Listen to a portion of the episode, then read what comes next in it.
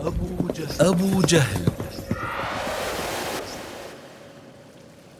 عن أبي هريرة رضي الله عنه قال قال أبو جهل هل يعفر محمد وجهه بين أظهركم؟ قال فقيل نعم.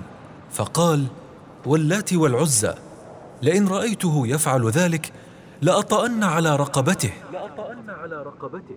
قال فأتى رسول الله صلى الله عليه وسلم وهو يصلي زعم ليطأ على رقبته.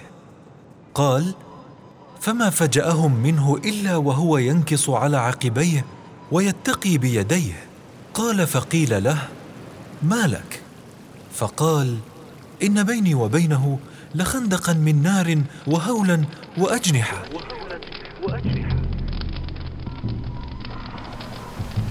فقال رسول الله صلى الله عليه وسلم لو دنا مني لاختطفته الملائكة عضوا عضوا. فأنزل الله عز وجل كلا إن الإنسان ليطغى أن رآه استغنى. إن إلى ربك الرجعى.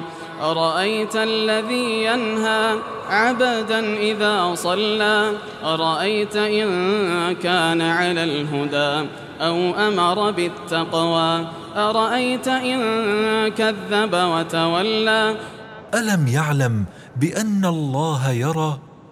كلا لئن لم ينته لنسفعا بالناصية. أعلام نزل فيهم قرآن.